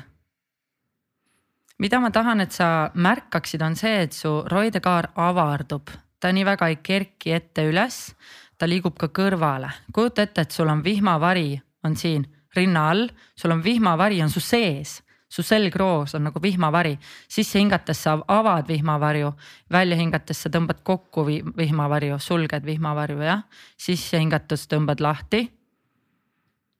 Välja hingates kokku. roidekaar langeb, on ju, välja sisse hingates roidekaar kerkib, välja hingates roidekaar langeb. Ja tõenäoliselt juba tunnete ka, et üleüldiselt muutud rahulikumaks on ju, et hingamine kõike seda meiega teeb jah, meid võivad kuulata praegu rasedad ja stressis inimesed. nii, ja nüüd me võtame korra, kui me juba siin oleme, seda teeme äh,, proovime teadlikult äh,, leiame üles vaagnapõhja, pingutame, lõdvestame korra lihtsalt vaagnapõhja. ahah, ta on olemas. nii, kui keegi ei mõista, mis on vaagnapõhi ja seda ma ütlen, et proovi ainult üks kord ära, rohkem proovi, sest see ei ole tegelikult nagu äh, funktsionaalsuse mõttes nagu hea teha, et sealt võib noh, kui tihti seda teeme, võib ka jälle nagu liiga pingesse minna või. aga igatahes sa oled pissil, sa oled potil, pissid mm -hmm. ja nüüd korra peata urineerimine. Inglise keeles on need sõnad palju ilusamad It is what it is. Et, et siis sa leiad oma selle vaagnapõhja üles, on ju. ja siis nüüd, kui me hingamise, hingamisse proovime äh, kaasata. võtame siis selle lõdvestushingamise, mida me tahame sünnitusel teha, mul kogu aeg silmad kinni, sest ma tunnetan oma keha palju rohkem. mine peast kehasse, eks ole, proovi peast kehasse minna. sa hingad sisse, tõmbad vaagnapõhja kokku ja nüüd hingad välja lased vaagnapõhja täiesti lõdvaks. Ja sellel hetkel näiteks beebi jälle liigub sulle lähemale, on ju, liigub ehk lähemale, hingad, pingutad Mhm. vaagnapõhja ja Ja välja nüüd- hingates kõik lased. kõik lased lõdvaks. Ja siin on hästi hea visualiseerida endale ka näiteks roosinuppu, kindlasti paljud on kuulnud, ma mäletan ise, kui ma kuulsin sellest, mõtlesin, et mida, aga et roosinupp on ju, hingad sisse, tõmbad kokku roosinupu enda sisse ja välja hingates õied avanevad, eks ole, väljapoole. Eks ole, või siis, et lähed või siis korjad mustika üles, aga ma ikkagi tahan rääkida siin nüüd sellest treeningpingutusest, sest see on natuke vastupidi et kui me nüüd äh, näiteks ma toon äh, rinnalt surumist äh, suudavad endale enamus ette kujutada, eks ole. ma liigun raskusega alla, hingan sisse. nüüd enne kui ma hakkan suruma raskust, jõudu rakendama, ma tõmban vaagnapõhja kokku ja surun, hingan välja ja kõik ilusti tõmbad kokku, eks ole. et kui me nüüd ähm, äh, jah, raseduse ajal näiteks kasvõi äh, õlapressi teen, siis samamoodi hingad sisse all, ettevalmistusfaas ja nüüd vaagnapõhi kokku, hingad välja. ja ilusti kaitsed kõhu ees seina, vaagnapõhja, et see on selline diafragma, vaagnapõhja ja kõhu sivalihaste koostöö, et ma ja selle, selle jaoks on nagu mulle meeldib öelda ka, et see on nagu kõhubeebi kallistamine, et kui me teeme seda kasvõi lihtsalt toe, põlvitustoengus, on seda hästi hea teha. eriti kellel on juba kõht äh, on juba päris suur, et ta tunnetab seda eriti hästi, seda liikumist. sa oled põlvitustoengus, hingad sisse, kõht vajub mega alla mm. -hmm. kujutad ette nagu sihuke kõlab veits halvasti, aga nagu tiine lehm. Ja nüüd sa hingad välja ja tõmbad, kallistad selle beebi hästi ilusti enda, enda kaisu väljahingamisega, et tõmbad kõhulihased siis kokku, eks ole, ja see on nagu põhiline kõhulihaste treening tegelikult, mida raseduse ajal üldse teha, sest ma ei näe, noh, pole üldse mõtet äh, kõhulihaseid treenida raseduse ajal, isegi nagu alguses juba, et. et kui me jätkame kasvõi sellise mõnusa lihastreeninguga või kes on edasi jõudnud, teeb äh, jõud, tugevamat jõutreeningut, juba see on väga tugev kõhulihaste treening, kehatüve treening et, et hingame läbi kehatüve harjutused ehk või siis ma ütlen neid nagu näiteks kõhulihaste harjutused, aga läbi hingamise ja teadliku vaagnapõhja kaasamise ongi tegelikult meie rasedusaegne kõhulihaste treening. et, et äh, midagi muud ei, ei olegi selles mõttes vaja ja, ja noh ja miks olekski vaja, eks ole, raseduse ajal, et põhiline ongi hoida siis seda toonust, olemasolevat toonust, et. et sünnitus esiteks oleks hea, hea ennast tunnetada sünnitusel ja sünnitusjärgselt taastuda mm, -hmm. et kui meil on nagu jälle selle vedru ma tahaks näiteks tuua, et kui meil on lihas, ta on välja venitatud, aga ta on ikkagi võimeline kokku tõmbama, ta on toonuses siis äh, ta ka sünnitusjärgselt tõmbab paremini kokku, eks ole. aga kui me nüüd näiteks raseduse ajal laseme täiesti, et ah suva ja mm, noh kuidas, kuidas keegi on ju, aga äh, et äh, jah, et ei mõtle võib-olla selle peale üldse ja ei hooligi, siis, äh, siis võibki olla ka nagu raskem see tagasitõmbumine, et.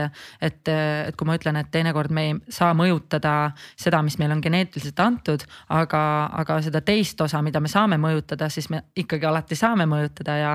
ja kasvõi näiteks siis hoida lihaste toonust või üleüldse õppida oma lihaste tunnetamist, et siis ka sünnitusjärgselt, mis alati äh, naisi ikkagi ka huvitab, et ongi see taastumisprotsess, et see mm -hmm. oleks hea, kiire ja valutu, eks ole. aga räägime natuke veel sünnituse ajal treenimisest, et sa juba ütlesid, et. raseduse ajal treenimisest. vabandust ma juba kujutasin ette, kuidas naine sünnib, aga see pole ka üldse paha. et kükid oh seal sünnitusprotsessis on oh täitsa võivad kiirendada. see on ka treening.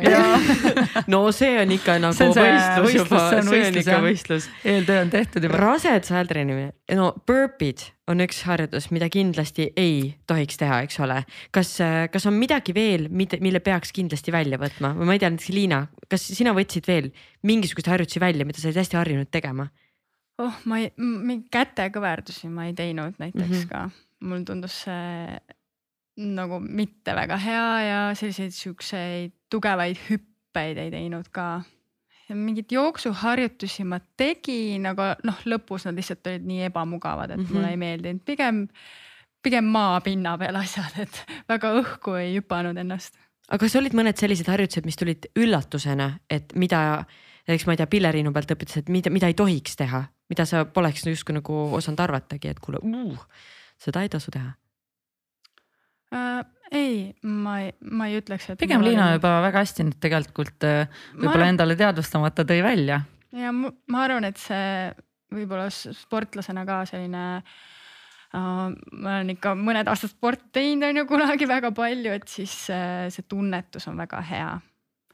et noh suusatamas ma mäletan, oli see, et äh, oli küll üks mägi ja ma ei julgenud sealt alla lasta, ma reaalselt võtsin suusad kätte ja läksin sealt mäest alla. nii õige, jälle sa ja. usaldad nagu, ennast, see on su kaitserefleks on ju. ma ei tea, igaks juhuks mm, -hmm. come on Liina, ära Täpselt. tee nagu trikke, sest vahepeal on nii, et oo lähme, lähme on ju ja siis ja plaks ja siis ei jõua ära kahetseda seda. no see on nii õige. ja võib-olla see esimese rasedusega on eriti veel see, et äh, sa oled kuidagi ettevaatlikum, et äh, kui ma praegu mõtlen, et mul on soov ka veel lapsi saada, et siis, ähm, et ähm, võib-olla tahaks äh, nagu veel kauem äh, joosta või proovida, et mis tunne see on. niisugune sportlik hasart on ju. ja, et selline võib-olla hasart, et nüüd ma olen, võib-olla tean seda, kuidas see kõik, äh, see rasedus, mis tunne see on ja see on nagu tuttav et siis prooviks kauem, et ma olen nagu hästi palju praegu jälginud ka välismaa sportlasi, kes nagu jooksevad täitsa nagu noh, lõpuni välja ja tulevad väga kiiresti tagasi ka jooksu peale. Hmm no ilmselt neil ongi see, et nad on, tahavad väga lapsi saada, aga samas nad ei taha oma karjääri katkestada pika, väga pikaks ajaks, on ju. et siis on hea seda võimekust on ju hoida. Ja, ja noh, tegelikult kui sul endal on okei okay,, et näiteks, mis, mida ka võib-olla naised tunnevad, kes täna ka kuulavad meid, siis äh, see kõhu ületoonus näiteks, et Liina kindlasti mäletab, et kõht läheb kivikõvaks lihtsalt ja vot siis on ka nagu see, et kui see on sinu jaoks äh, liiga ebamugav ja sa ei taha seda väga tihti tunda, siis sa jällegi noh, tead, mis hetkedel võib-olla rahulikumalt võtta, võtad pikemad pausid harjutuste vahel või siis noh, sellised, et see kõhu üle nagu toonus, selline väga kõvaks minemine ei ole alati selline äh, noh, väga väga halb asi, see ei, see ei olegi halb asi, on ju, et see on mhm. jällegi, kuidas keegi oma äh, keha tunnetab ja, ja, ja kui suured on tema nagu sellised, äh, kui teadlikult ta treenib, on ju. Mhm. aga just nende harjutuste kohta tahaks lisada, et äh, väga õiged asjad tõi Liina välja, hüplemised umbes seitseteist pluss esimese raseduse puhul võib-olla kakskümmend pluss nädalal. sa ei tahagi enam väga joosta või hüpata, sellepärast et sul on kõht tekkinud ja, ja see on, see ei ole enam nii mõnus. et võib-olla siis, kui sa paned omal tõesti mingid vööd ümber niimoodi, et ta hoiab, on ju kõhtu, et loomulikult su kõht ei hüppa ka niimoodi, niimoodi päris noh. kaasa. jah, kaasa on ju, aga see, see ei ole ikkagi, kui sa väga ilusti aktiveerid kõhu, on ju, aga samas sa ei taha seda ka pikalt teha. et, et siis ongi sellised hüplemised, aga, aga kätekõverdused jällegi, kes tahab teha kätekõverdusi, modifitseerib, modifitseerib, teeb põlvitustoengus jällegi korrigeerib kehatüve. või siis kõrgemal ja just, võid ka vastu seina hoopis teha, eks ole. jällegi sa lähed nende kergemate versioonide juurde, kui sa ikkagi tahad teha lõuatõmme jällegi mm,. see no sihuke ei ole hea tegelikult jällegi kõhu ees seinale. beebi on alati okei okay,, aga me räägime iseendast on ju, et mida see meile teeb, sest beebit ei mõjuta see, kas ma teen lõuatõmbeid või mitte. sest see vigastab ennekõike meie lihaseid, meie kõhu ees seina on ju. et äh, kõhu, äh, lõuatõmmete puhul jällegi, et võid teha seda mingit kõige lihtsamat abistatud versiooni. aga mida rohkem sa sisejõudu rakendad, noh kujutage ise ette nüüd, mis tööd peab tegema kõht äh, äh, lõuatõmmetel, eks ole, ja kõik ongi need burpee'd ja noh, kosmonaudid ja kõik toengud on siis äh, sellised, kus on äh, kõhusisesurve suur ja et neid näiteks. eestoengud, aga tagatoengud? Äh, tagatoengutel on ka, aga noh, seal vaata tuhar nii palju toetab meid, kui me paneme tuhara tugevaks lükkame ennast ilusti õlast välja, siis tegelikult kõht võib olla täitsa puutumata, et see oleneb mm -hmm. jälle, kuidas, kuidas keegi teeb. puusatõsted äh, ülihea raseduse ajal ja hoiab jalad, äh, selja, tuhara väga ilusti, kes ei taha palju teha, on laisk treenija, siis äh, äh, kükid, puusatõsted äh,. väljasted äh, jah, kui, kui neid võib olla ka mingil hetkel võib-olla ebamugav teha, aga nad on jällegi Vaagna põhjale on juba eos head harjutused, seal Vaagna põhi juba ise väga hästi äh, töötab kaasa. ja, ja ongi sihuke põhijõuharjutused, jõusaalist teed ära äh,. Äh, märksõna on äh, rahulik tunnetus mitte mingit kiirustamist, saadki rahulikult omal podcast'i kõrvalt kuulata ja teed lihtsalt oma harjutusi. ja see, see that's it ja see ongi tegelikult see raseduse ajal treenimise võlu. sa ei pea nagu rassima, aga sa teed ja lihtsalt naudid seda lihastööd.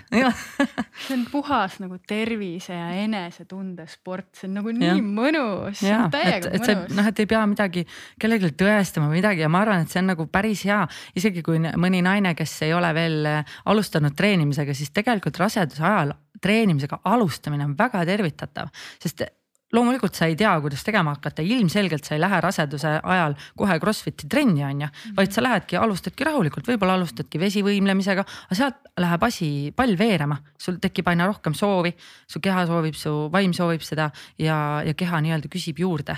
ja, ja sealt, sealt hakkabki asi kooruma, et igal juhul, sest kui meil sünnib beebi, siis on jälle omakorda keerulisem alustada, ma räägin alustamisest on ju, mitte jätkamisest, vaid üleüldse alustamisest. et siis kindlasti alati tasub äh, tegutseda, et no. Äh, mitte nii väga oodata, planeerida ja oodata seda ideaalset hetke, vaid lihtsalt tegutsema hakata.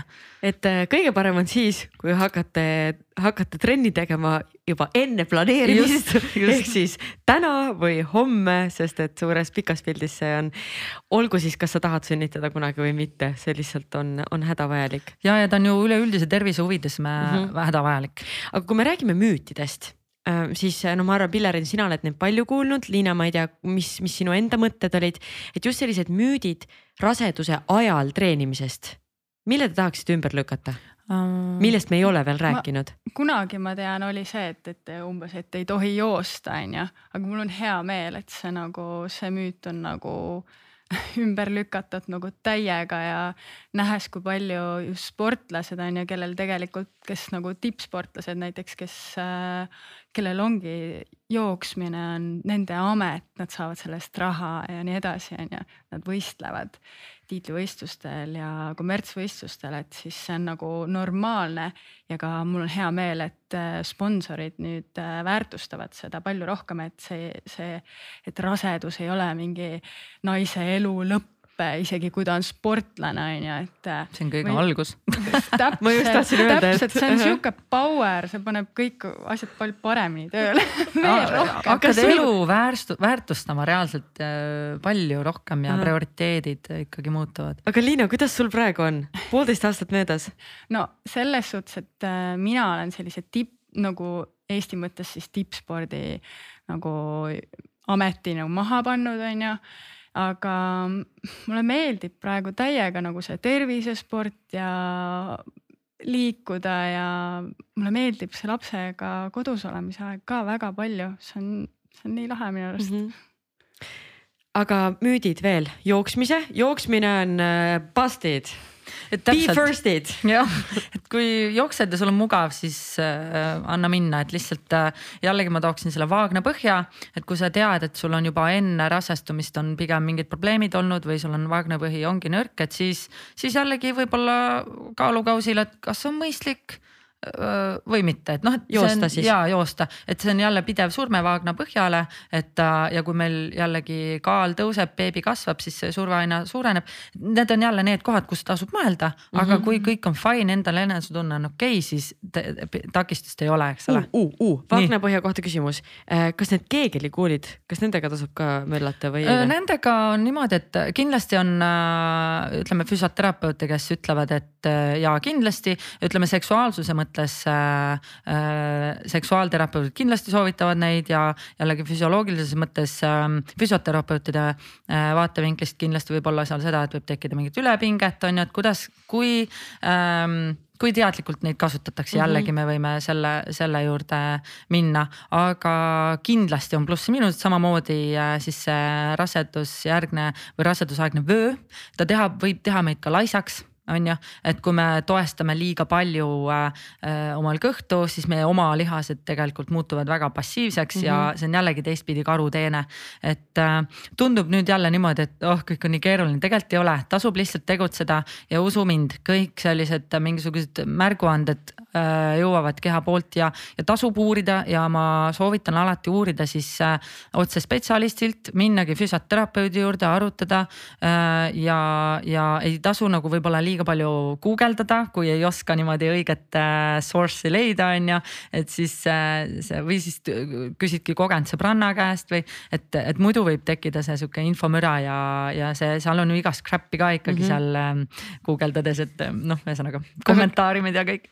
kas, kas mõned müüdid tulevad veel, hüppavad no pähe? seesama rattaga sõitmine näiteks on ju, et ikka võib, aga, aga seal on jälle on ju kukkumisoht, et kui ma metsas sõidan, siis äh, kivid raputavad ja nii edasi, et, et, et see kukkumine, et see ongi see koht, kus beebi võib viga saada, on ju, et kui me jälle mõtleme mingisuguse mäesuusa peale, lumelaua peale, siis äh, ratsutamises ma kukun, on ju äh,, siis äh, noh, kõik vigastusohtlikud, tennis samamoodi, seal on hästi palju kerepööreid järske, aga kui meil keha, kõhu ümbermõõt suureneb, siis aina väheneb meie äh, teadlik selline kõhuga töötamine väheneb, lõpuks me ei jõuagi enam nagu niimoodi ähm, ikkagi aktiveerida on ju, sest noh, kõhu ümbermõõt mm -hmm. on juba nii suur, siis kõik need pöörded ja need ei äh,, ei ole head ja nad mm. Mm. ei, siis jah, et, et just täpselt discgolf ka siis või? no põhimõtteliselt küll, sest sellel hetkel, kui sa selle sinna virutad ikkagi, saadad siis sellel hetkel ka kõik äh, põikilihased ja kõik on ju, on, on, on nagu sunnitud tegelikult väga intensiivset tööd tegema. aga mis, mis noh, hoki näiteks on ju For so Et- many reasons no, don't do it. et, et noh, ühesõnaga sihuke mm, amüütidest võib-olla kunagi äkki mõeldi nii ka, et jõutrenni väga ka ei tohi teha, et raskusi ei tohi tõst- tõsta mm, Mhm. -hmm. aga noh, vaadake pilleriinad ja, ja, see, siin on jällegi see, et kuna ma olen sellega varem tegelenud mm -hmm. ja ma tahan ka julgustada naisi, kes on varasemalt tegelenud treeningutega. laske, ütleme viiskümmend protsenti raskused alla, alguses katsetage üldse nagu minimaalsete raskustega ja niimoodi vaikselt keha tunnetades, kui te tunnete, et kuskilt ei kisu ja kõik on hea, siis, siis tegelikult on äh, kõik okei okay. ja samas kui noh, näiteks Instagramis on ju.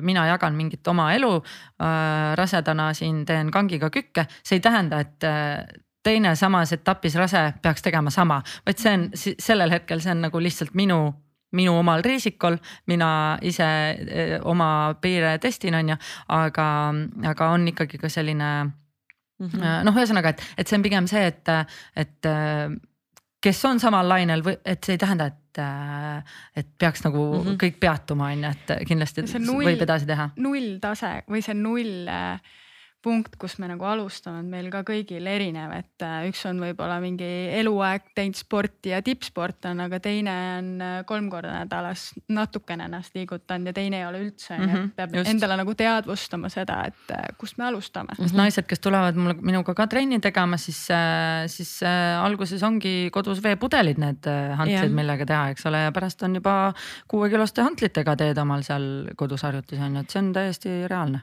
Kas on mõned kindlad sümptomid, mille korral peaks kindlasti lõpetama raseduse ajal treenimise? Ütleme veritsus kindlasti, et siis tasub ämmakaga konsulteerida ja, ja, ja kui seda tekib juba väga raseduse alguses, siis ka teinekord ongi, et raseduse esimese pool äh, ei tohi midagi teha. aga teine pool öeldakse, et noh, nüüd on kõik okei okay,, nüüd on rasedus totaalselt kinnistunud, kõik on väga hästi, siis, siis jälle võid teha, on ju, et see on jällegi nii palju, kui mina olen naistega nagu konsulteerinud või kes on minu käest nõu küsinud ja, ja, ja teevad samal ajal koostööd siis muidugi ämma-emandaga ja ämma-emandaga ja, ja võib-olla ka füsioterapeudiga.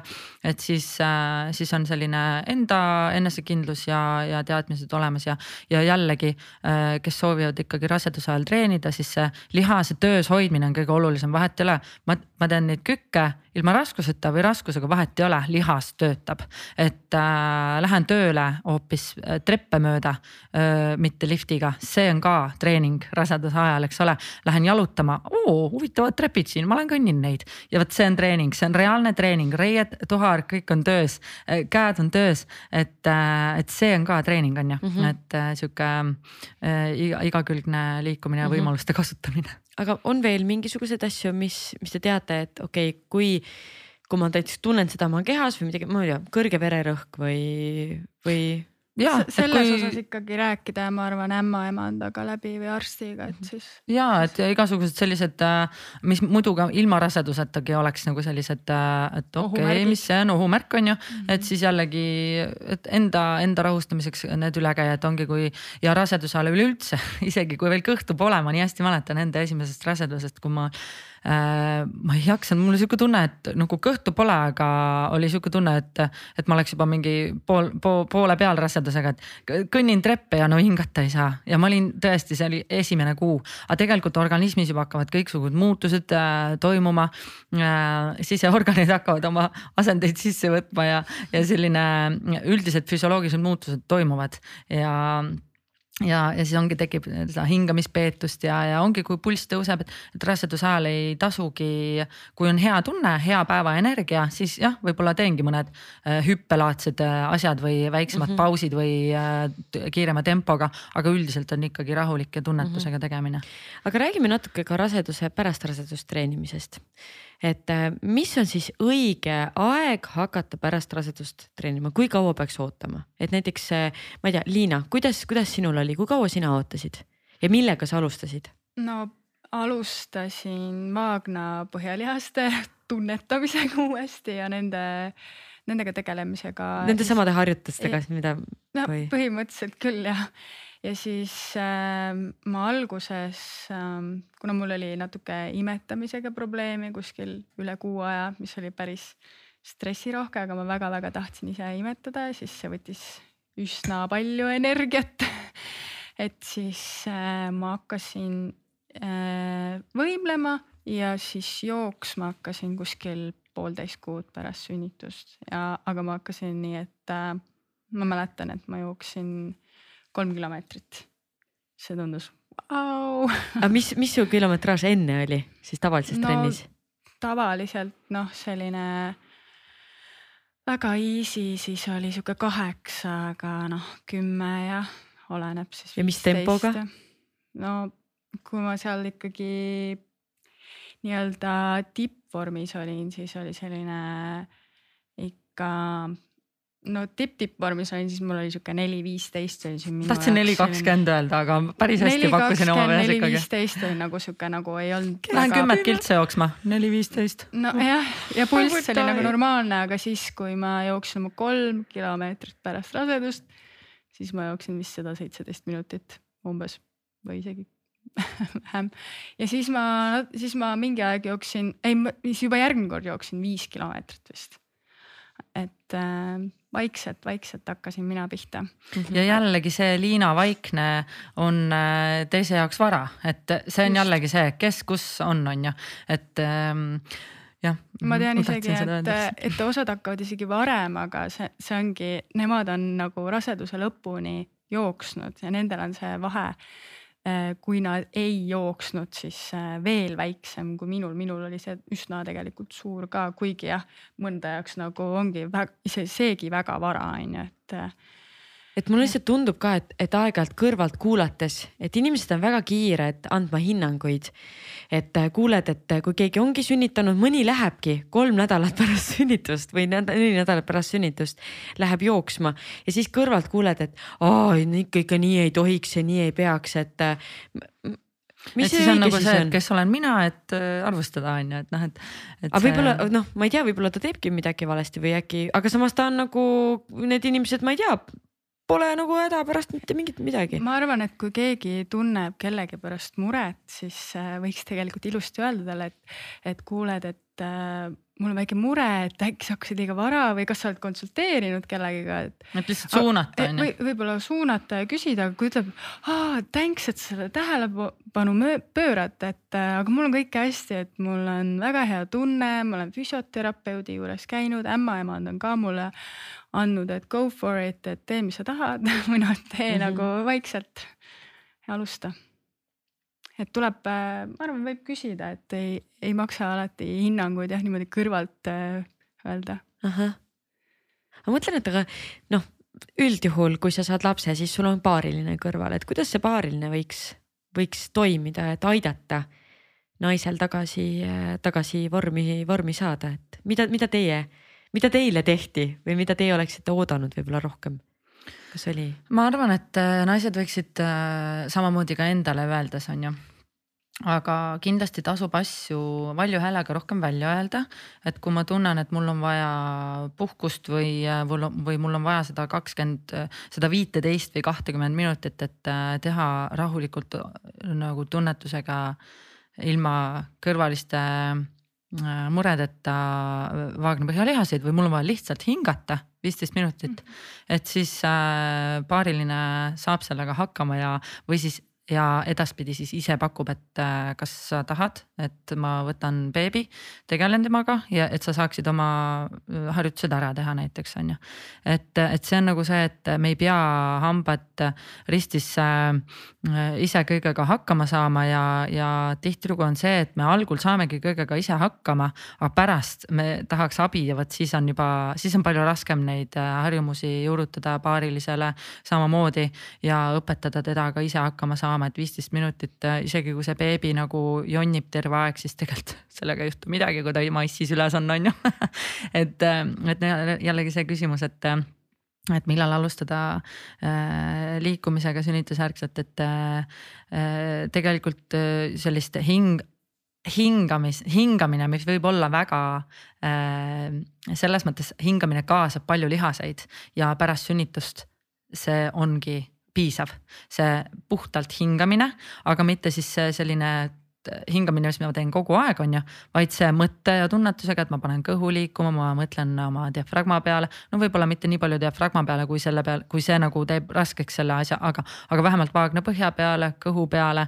esimene päev pärast sünnitust võib-olla ei julge veel on ju vaagna põhja isegi pingutada, lõdvestada, aga vaikselt tegelikult võib. jällegi pärast ähm, looga, pärast esimese lapse sündi haiglas ma vaatasin seda brošüüri ja, ja ma enda rõõmuks leidsin seal ka selle, et, et et äh, hakka vaagnapõhjalihaseid tugevdama äh, juba esimesel päeval pärast sünnitust uh, -huh. et, et loomulikult on, on ka äh, selliseid mitmeaastalisi vigastusi pärast sünnitust, et siis noh siis ka jällegi füsioterapeut võib suunata teistmoodi tegema ja natuke võib-olla ootama, aga igal juhul sellise hingamise ja kõhu liigutamisega tasub hakata juba ja ütleme niimoodi, et esimene nädal tegelikult ongi hästi palju sellist mm -hmm läbi hingamise äh, lihastöö ja sihuke leebe vaagnapõhja treenimine. ja tegelikult see on üks põhjuseid, miks on mega oluline teha seda isegi mitte raseduse ajal, kui sa juba oled rasestunud, aga varem, et sa et sa oskad, sa Just. tead, mida sa otsid sest et kui keeruline on leida kehatunnetust, meie kolmekesi, me oleme harjunud sporti tegema. aga ma tean, et on inimesi nagu sellel ajal, kui ma, kui ma personaaltreenerina töötasin ta ei, ta, ta ei, kehatunnetus on null, ta ei saa absoluutselt aru, et kus ta, millist, kuidas ta tuharlihased pingutab või mm Mhm. -hmm. mismoodi käib puusapainutus ja puusasirutus. et sellepärast ongi vaja nagu kohe hakata nende asjadega tegelema mm, -hmm. et, Mhm. et sa tead, millega sa tööd teed. Ja just, aga jah, see jooksmine ka, et äh, Loganiga ma näiteks hakkasin äh, varem jooksma, mina ei ole kunagi sellel tasemel jooksja olnud kui Liina muidugi. aga ma olen nagu kergejõustiklane olnud ja, ja sealt tulenevalt ka nagu ikkagi jooks on olnud selline ähm, noh, ja täna mulle meeldib jälle rohkem mõelda sellele, et, et jooksen on ju, ma jooksen küll täna veel viis nelikümmend viis tempoga, aga väga hästi, väga tubli. veel, come on. ma mõtlesin selle neli viisteist peale, mõtlesin täitsa crazy, aga ei, väga äge. ja igatahes, et see jooksmisega ma üldiselt ütleme keskmisele äh, naisele soovitan jooksmisega oodata ja Liina puhul tõesti, et ta on harjunud jooksma ja ta on nii väga kibeless, see võib-olla andis talle vaimselt sihukese boost'i. et, et tal oli seda nii väga vaja ja see oli kolm kilomeetrit ja täpselt ma alguses ütlengi niimoodi, et, et ähm, kui keegi mult küsib, siis ma ütlengi, et kui sul on nii väga vaja minna, sa muule ei mõtle, siis sa pead minema, eks ole, aga lihtsalt alustage, võib-olla sa jooksed kilomeetri ja, ja sa võib-olla ei jaksagi alguses rohkem ja see on fine. ja, ja niimoodi vaikselt sa oma keha kohandad selle uue koormusega, on ju, aga kui sa tunned, et see on vaimselt nii vajalik, et sa selle jooksutiiruga, sa tuled koju, sa oled rõõmus, sa oled happy, sa jälle uue energiaga oma lapse ja kodu ja perega äh, toimetad, eks ole. et me peame nendele asjadele ikkagi mõtlema, et kui meil on mingid hobid, mida meil on meeldinud teha, siis nendele tuleb anda ruumi ja siin jälle, mida partner saab, teha äh,. Äh, see on jällegi enda suur töö tegelikult, et selgeks teha partnerile, et see on mulle vajalik, sest äh, paljudel ikkagi paljudel nagu no, natuke maailmavaated ikkagi on nihkes, eks ole, et, et äh, mis on mulle, ei pruugi olla partnerile ja partner ei saa aru, et mis asja, mis, mis see sulle annab või miks sa seda tegema pead, on ju. aga siis on lihtsalt vaja mõista ja, ja noh, et äh, ja juba algusest peale seda ikkagi äh, sellist äh, mehe ise hakkama saamist lapsega nagu äh, juurutada ma tahaks korra rääkida eesmärgistamisest, sest mulle tundub, et äh, see on ka oluline teema, et just pärast sünnitust, et kuidas seada endale eesmärke ja milliseid eesmärke üldse seada? Äh, sa mõtled nüüd sportlikus mõttes jah? noh, näiteks vahet ei ole, kas äh, no selles mõttes ikkagi vor, ütleme vormi mõttes mm -hmm.. okei okay,, vormi mõttes, siis äh, tasubki anda aega sellele taastumisele, ma soovitan seda mitte nagu vahele jätta. et äh, see tuleks ikkagi. mida vahele jätta, taastumist? taastumisperioodi, et selline, see tõesti see osadel tuleb see kiiremini, osadel aeglasemini, jällegi oleneb äh, sünnituseelsest seisundist, oleneb raseduseelsest seisundist, kui, kui äh, kiired lihased on äh, uuesti sinuga koostööd tegema, et ähm, äh, nagu ma, nagu on ka teada, et äh, väga, mitte väga lihtne, aga lihtne on saavutada äh, midagi, mis on juba olnud, näiteks, et äh, ma olen olnud vot nii kiire ja nüüd seda taastada ma saan sama kiireks päris, päris kiiresti, ütleme niimoodi, või noh, päris niimoodi hõlpsalt. aga et sellest platoost veel üle omakorda minna, seda on juba raskem saavutada, on ju. et äh, igal juhul saavutada tagasi see, mis oli ja, aga see lihtsalt, et äh, hästi palju selliste äh, eesmärkide seadmisel alustada väikseimast, väikseimast, sest ma näen nii palju seda, kuidas tahetakse kohe korraga palju ja, ja siis lüüakse käega, et, et tuleb ikkagi äh, alustada väiksemast ja, ja olla järjepidev ja, ja selle noh, see, see päev, kui see tulemus, see, mida sa oled oodanud, see tuleb, siis, siis see on, pakub veel rohkem rõõmu ja siis see protsessi nautimine on olnud, sest muidu, kui me keskendume ainult sellele. oh, ma tahan tagasi oma esimest vormi aga samas mulle trenni üldse teha ei meeldi, siis on ka jama ju. ma teen selle trenni ära, saavutan selle vormi, aga mis edasi on ju, jälle tegelikult kukun tagasi, sest see ei ole jätkusuutlik, ma ei tee edasi trenni. aga see, see alustamine peab olema selline nii pehme ja nii mõnus ja nii endale kohane, et ma tahan sellega jätkata ja edasi teha, et mulle nii meeldib ka, kui naised ikka jälle kirjutavad, et. et noh, mingi, mingi harjutus kasvõi väike, et näiteks koha peal põlvedeste jooks, mida mõnedes trennides esimene esineb ja seda saab ka teha lihtsalt astumisega, loomulikult ei peagi jooksma. ja naised ütlevad, et jess, et see on minu jaoks muutunud normaalseks, et ma nagu teen kohapeal põlvetõstet, et muidu see oli üks nagu nihuke mm, ebameeldivam nii-öelda on ju.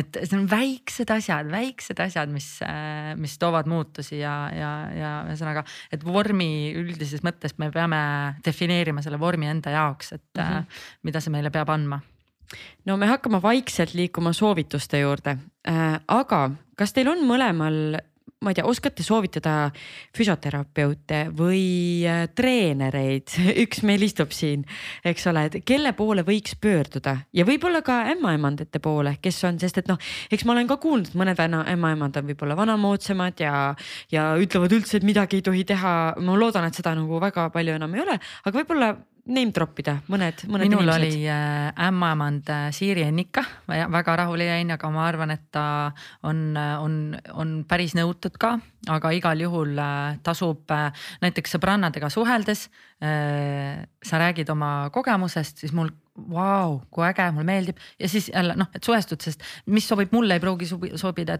äh, temale on ju, et noh, et jällegi nagu sellise kogemuslugude kuul-, kuulmine on ka hästi kasulik. ja siis äh, füsioterapeudist kindlasti äh, soovitaks Helle Nurmsalut, keda ma olen ka varasemalt soovitanud ja kellega me äh, tihti noh, teeme koostööd, mina saadan oma kliente Helle juurde, Helle saadab oma kliente minu juurde ja me selles mõttes oleme nagu samal lainel ja, ja, ja tõesti väga soovitan mm. -hmm aga mõned treenerid, kelle poole, peale, poole veel pöörduda, kuidas Pillekas enam vastu ei võta? ja üks on Pillekas jah, aga näiteks tegelikult äh, Kaisa Nõlvak, tal on endal väike beebi ja tema tegeleb joogaga ja meditatsiooni õpetamisega, et minu arust see on väga yeah väga sihuke tänuväärt asi, et ma ise kogu aeg mõtlen, et ma, ma tahaks minna tema juurde, sest et mulle meeldib hästi sihukest rasket, kunagi meeldis rasket trenni, aga nüüd tahaks kuidagi niimoodi natuke hõljuda ja relax ida ja mõnus, noh muidugi ma ei ütle, et see mingi kerge asi on, et see on, aga see on kuidagi see mindset'i võib-olla ka paneb rohkem veel paika. No yes. Liina, teisipäeviti joogaruumis, kolmapäeviti äh,, oota Astanga, ei Arta joogas äh, Nõmmel, tule sinna Nõmmele, ma olen käinud ka seal ah,, okay, oled oodatud. ja, ja. ja siis äh, sinu õde Sigrid ju. ja, Sigrid Laan mm. -hmm. Ja... käisin isegi üks pühapäev siin. Äh, ma tean, on üks veel üks treener on Piret Käen, ma ei tea, kas sa teate, tema on teinud sellise lehekülge Tahan olla terve ja siis temal on ka väga lahedaid videoid, tal on praegu vist äh, nüüd kahekuune beebi. ja, ja Piret teeb ka minuga praegu trenne. Ja, ja, ja oota, aga Pillekas ma ah,. ja füsioterapeudis on ka Hellet juba sa mainisid, et ma ise ma arvan... käisin ka tema juures alles nüüd muidugi, ma lihtsalt tahtsin veel nagu mingeid kindlusi ja asju, mul natukene oli mingeid probleeme ka. aga mm, siis veel Katre Lustmardna, et kui ma olin rase, siis ma käisin tema juures natuke teipimas enda kõhtu, et ka väga tore mm. inimene, ise ka ju kolme lapse ema oota, aga miks kõhtu teipimas uh,? mul oligi see veits sihukene ebamugav tunne ja jooksmisel ja nii ja siis ma, siis me proovisime seda, et kas see mulle toimub, toimib. väga äge. Aga Pillekas, sul on ka üks põnev projekt välja tulemas nüüd. ja et äh, ah, ütleme niimoodi, et äh, siis, kui mul esimene laps Logan sündis, siis ma, siis ma veel äh, äh, isegi ei mõelnud seda, aga nüüd, kui mul ootasin teist last äh, Levinit ja, ja olin sünnitanud, siis ma, siis ma juba väga unistasin, et ma saaksin teha oma sünnitusjärgse taastumise programmi ja sest ma ütleks, et nii palju, kui on erinevaid treenereid, on ka erinevaid programme, üks sobib ühele, teine teisele ja ma arvan, et äh, ja, ja noh, tunnengi, et nüüd on aeg küps ja, ja kui ma muidu ähm, ei visanud endale kaikaid kõdaratesse, vaid äh, noh, selles mõttes, et, et mul sündis äh, teine beebi ja siis ma ei saanud kuidagi, mul ei olnud seda kõrval äh, tugimeeskonda nii-öelda, et ma oleks saanud pühendunult seda programmi teha, aga täna Levin on juba kaheaastane ja ma ise tunnen ka, et kõik vajalikud niidiotsad on kohale jõudnud ja enda selline tead-, teadmiste pagas ja et mul on reaalselt äh, midagi anda, et see on nagu valmis saanud ja ja tõesti, kes tunneb, et kindlasti sellest saab abi, sel-, selles ma üldse ei kahtlegi, aga lihtsalt, et kes tunneb, et on valmis päriselt midagi enda jaoks tegema, siis äh, põmm, mitte ühtegi sekundit ka, sest mina tean, kui palju ma olen äh, sellesse panustanud ja, ja kui palju ma soovin, et see aitaks, et äh, mu peamine soov on, et see aitaks ikkagi inimest, et äh, jah. ja kust see info tuleb, kust infot saab? Äh, treenerpillerin.ee äh, kodulehelt leiab siis äh, ilusti programmi, sünnitusjärgse taastumise programmi ja see tuleb, see on kaheksanädalane. ja, ja tõesti niimoodi iganädalalt video, video kaupa olen siis äh,, olen kõrval olemas. väga äge, ma arvan, et selleks hetkeks, kui see, kui see saade välja tuleb, on see sul seal juba kõik veebis olemas. kui peaks midagi juhtuma ja seda ei ole veel, siis minge käige ikka refresh ige kogu aeg vaikselt niimoodi edasi-tagasi teate, mulle lihtsalt endale tundub, et appi-appi nii palju asju jäi kindlasti rääkimata, kas on midagi, mida kindlalt peaks veel mainima juurde? mida te tahaksite öelda? ma tahaks ikkagi öelda, et alati tasub liikuda, et pigem kõrvale heita need igasugused kõhklused ja kahtlused, et äh, ma just, äh, üks raamat, mis mulle väga meeldib, et mida ma ikka aeg-ajalt loen, on see mm, aatomharjumused. jah, ingliskeelne versioon on ka olemas Atomic kenasti Habits. ja just, et seal äh, nii mulle kohe meeldis ka see kulgemine vees, tegutsemine, et ma, kui sa oled kulgeja, sa aina plaanid ja sa räägid suure suuga ja kogud infot ja ootad seda ideaalset hetke. aga sa ei tegutse ja muutusi ei tule muutused tulevad siis, kui me hakkame tegutsema, et äh, me võime koguda endale mm, siukseid äh, ideaalseid retsepte omal kasvõi ma ei tea, sinna Instagrami save itud äh,, save itud asjade hulka neid retsepte või, või koguda neid ideaalseid ajakirju, kus on need head retseptid. aga kui ma kunagi neid retsepte reaalselt ei tee, tee üks toit valmis siis sa oled tegutseja ja siis sa, siis toimub muutus. et ähm,, et sihuke kindlasti tasub ja tasub olla uudishimulik, tasub küsida. ja enda eest tuleb hoolitseda. õppida. Mm, Liina, kuidas sinuga?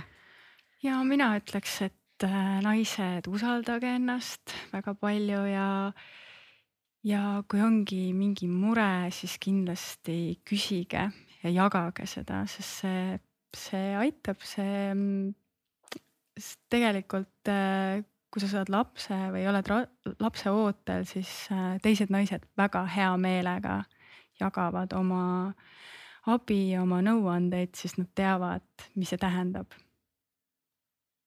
ja see on see sihuke naiste, naiste nagu see kokkuhoid. Ja see on nagu, see on see empowering see nagu, see on nagu hästi-hästi äge tegelikult, kui jõuad sellise selliste inimesteni. ja üliäge on see, et tegelikult äh, me oleme vastanud just põhimõtteliselt kõigile küsimustele, mis siin on, aga kaks asja, mida ma tahaks äh, täpsustada. kakskümmend neli seitse iiveldus, kas tasub end vaatamata sellele treenima sundida ja ma lihtsalt tahan öelda, et minu õde Sigrid ütles, et see oli ainus viis, kuidas ta suutis sellest iiveldusest nagu iiveldusega hakkama saada, ta läks trenni. sama, sama, mul oli ka, mul oli okei okay,, alguses paar nädalat mul ei olnud nagu sellist iiveldust, aga siis mul tuli nagu, ma ei tea, kaksteist nädalat järjest mul oli paha olla ja ainuke asi, mis mind aitas, oli selline liikumine nagu mingid teatud asjade söömine ka onju, et kõht oleks täis, hea olla ja liigud ja kõik oli, siis, siis oli nagu okei okay olla. minul suurt iiveldust ei ole olnud, aga ähm, ma tahan jällegi siin öelda seda, et kui mitte midagi ei saa teha, siis sihuke mobility, liikuvus, harjutused on oluline hoida, lülisammas liikuvana, puusad lahti.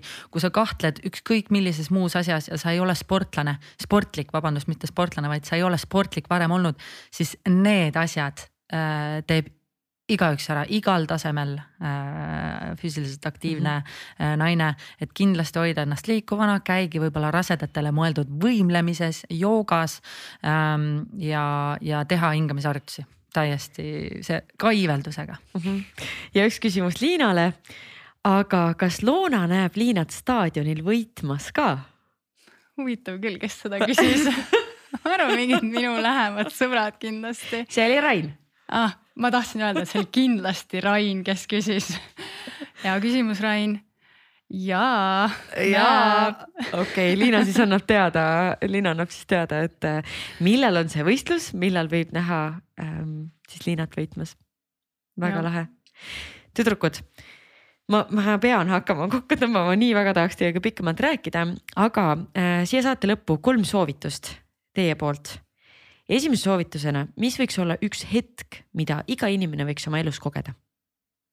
ma arvan, et äh, põrumine mm., läbikukkumine võiks olla ikkagi kas aeg-ajalt või, või mingisugused väiksed selline aeg-ajalt, sest need tegelikult teevad meie, õpetavad ja teevad tugevamaks, et need on täiesti okei okay ja näiteks vahest jäetaksegi palju asju tegemata. ma ei hakka treenima, sest ma kardan äh, fail ida ja ei hakatagi tegema, aga, aga tegelikult tuleb ja selliseid ükskõik millise sellise tegutseja või eduka inimese käest küsida, kas on läbikukkumisi olnud, oi, ma arvan, neid on olnud rohkem kui õnnestumisi ja see neid edasi tegelikult viibki, nii et äh, ma soovitan äh, julgeda elul juhtuda ja usaldada elu ja kui tuleb sinna sekka mõni läbikukkumine, siis see on okei okay. mm, -hmm. see on vajalik mm. -hmm. Liina? ma, mulle ka meeldib see mõte, et äh, tegelikult äh, kui sa mõtled neid sportlasi, et tegelikult nad võib-olla kaotanud rohkem kui võitnud tegelikult. meie lihtsalt neid kaotusi ei näe, on ju, me näeme ainult võite. võite ja nii on kõigi edukate inimestega, aga me näeme neid võite, on ju. aga mina võib-olla tooks siis siia selle, et äh, kõik võiksid elus ikkagi armuda, sest see on nii ilus ja tore tunne, armumine ja seda võiks ka, kui sa oled leidnud näiteks mõne inimese enda kõrvale, siis see võiks mitu korda sinna sellesse inimesse armuda. väga head soovitused. jah. jah see, see moving on äh, üks oskus, mille iga inimene võiks oma elus ära õppida. ja Liina võtab lahti oma märkmed. sul on spikker, mul ei ole. oskus, oskus äh,. diafragma hingamine noh, väga hea väga soovitus. praktiline, päriselt aitab Aha. stressi leevendada ja no nii, Liina, mis sa välja leidsid? mõtlesin seda, et, äh, et pidev õppimine, et äh, ja kohanemine ja enda arendamine. noh, seal võib-olla mitu asja tuli nüüd, aga, aga et me ei jääks nagu ühte asja kinni. me ju tegelikult mm -hmm. kogu aeg muutume, et mm -hmm. me ei mhm. ole kolmekümne aastaselt samad, kes me olime kahekümne aastaselt ja elukogemus tuleb ja meie ümber inimesed muutuvad mm, -hmm. ma arvan, et muutuvad.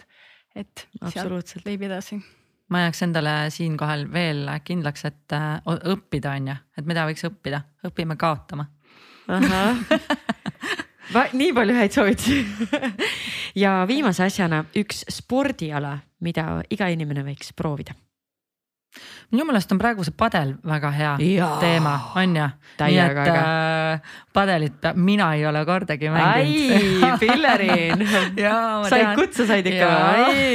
väga hea. jumala äge, ma olen jumala ootusärevil, sest äh, tennist ma olen küll mänginud ja mulle väga tennis meeldib ja ma vaikselt äh, soojendan ennast mõttega, et kasvõi korra nädalas käia treeneriga mängimas, mis oleks nihuke nagu noh, mulle meeldiks ja, ja padel ja kaotan. väga hea soovitus.